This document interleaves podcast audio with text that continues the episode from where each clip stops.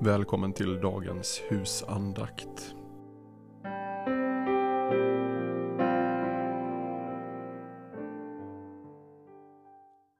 Den 5 december. De försöker upprätta sin egen rättfärdighet. Romarbrevet 10.3. Människor försöker på olika sätt bli rättfärdiga beroende på vilket ljus eller mörker de lever i. Judarna ansåg sig vara rättfärdiga enbart genom yttre laggärningar, genom offer, böner, gåvor till de fattiga och hederlighet. De tröstade sig med att de inte var uppenbara mördare, äktenskapsbrytare och tjuvar. Den allmänna meningen, också hos oss, är att detta räcker för att bli rättfärdig eller åtminstone godtagbar för Gud. Men de som mött något av Guds helighet förstår att det krävs något mer. Det räcker inte heller att man älskar Gud, läser hans ord och respekterar sabbatsbudet om man samtidigt har ett förtroligt förhållande till världen. Den som blivit ännu mer upplyst inser att man måste omvända sig från världens sätt att leva och bli en andlig människa. Man måste också ångra sig och lägga bort sina synder, vaka, be och lämna köttets begär och tro på Jesus. Men detta kan ju uppfattas som laggärningar.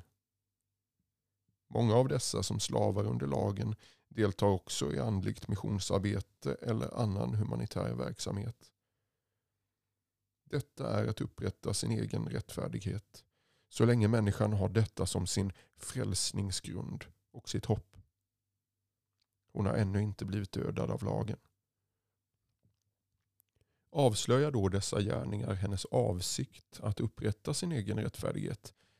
Nej, dessa och andra gärningar kan ju göras i sann tro och gudsfruktan. Gärningarna som sådana är inte utmärkande för självrättfärdighet. Men risken är att dessa gärningar är människans frälsningsgrund och hjärtats verkliga tröst. Även om hon med munnen bekänner tron på Kristus och hans försoning kan hon ha det så i sitt hjärta. Detta hopp om en egen rättfärdighet är djupt förankrat i vår natur och måste bli dödat genom Guds heliga krav. Människan måste lära sig att hennes mest allvarliga fromhet och bästa gärningar räknas som skräp när det gäller att hålla måttet inför Gud och bli rättfärdig. Ja, hon måste lära sig att söka nåd och förlåtelse även för den synd som besmittar hennes bästa gärningar. Så länge hon flyr in i fromma projekt och gärningar för att där finna tröst och ro mot synden så är hon en självrättfärdig människa. Något helt annat är det när människan förtvivlar på sig själv, sin egen gudsfruktan, sin egen kraft och blir straffad för allting och blir en brottsling inför lagen. Hon har då sin enda tröst i Kristi gärningar, Kristi lydnad, Kristi lidande och i hans böner. Hon blir inspirerad av den stora, fria nåden att göra det som är gott.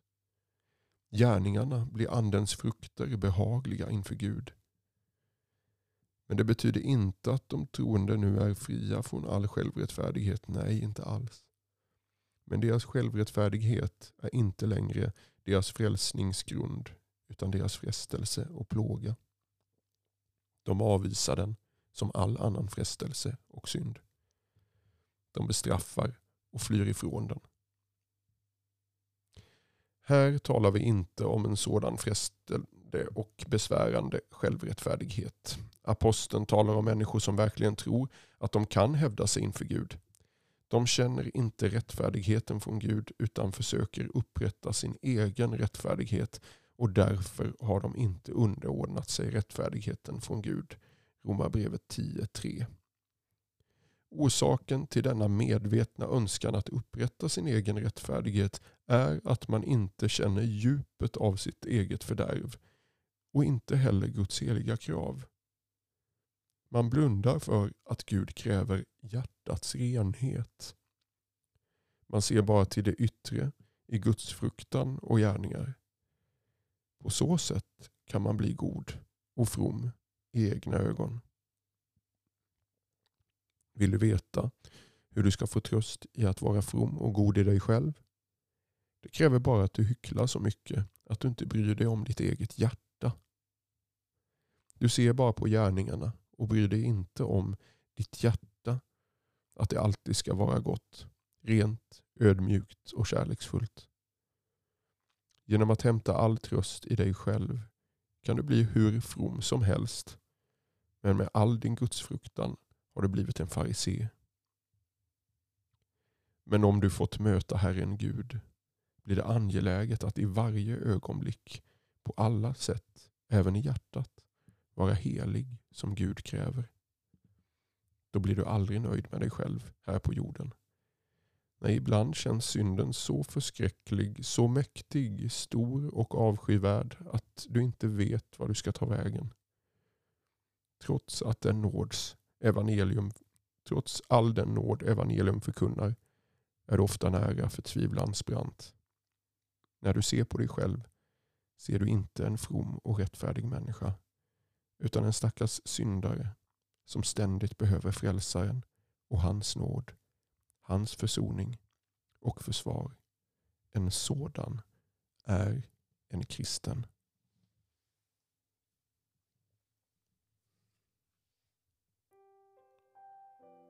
Se till mig i nåd. Led mig i ditt råd, käre Fader i det höga. Låt ej synd och flärd, ej kött och värld vända bort från dig mitt öga. Låt mig vara funnen uti Kristus blott, verkligen i honom äga del och lott.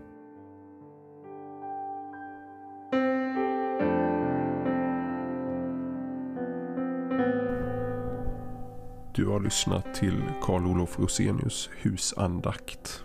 Betraktelser för varje dag ett helt år. Med mig, Jakob Stille, som inläsare. Husandaktboken ges ut av BV förlag och kan köpas på www.bvforlag.se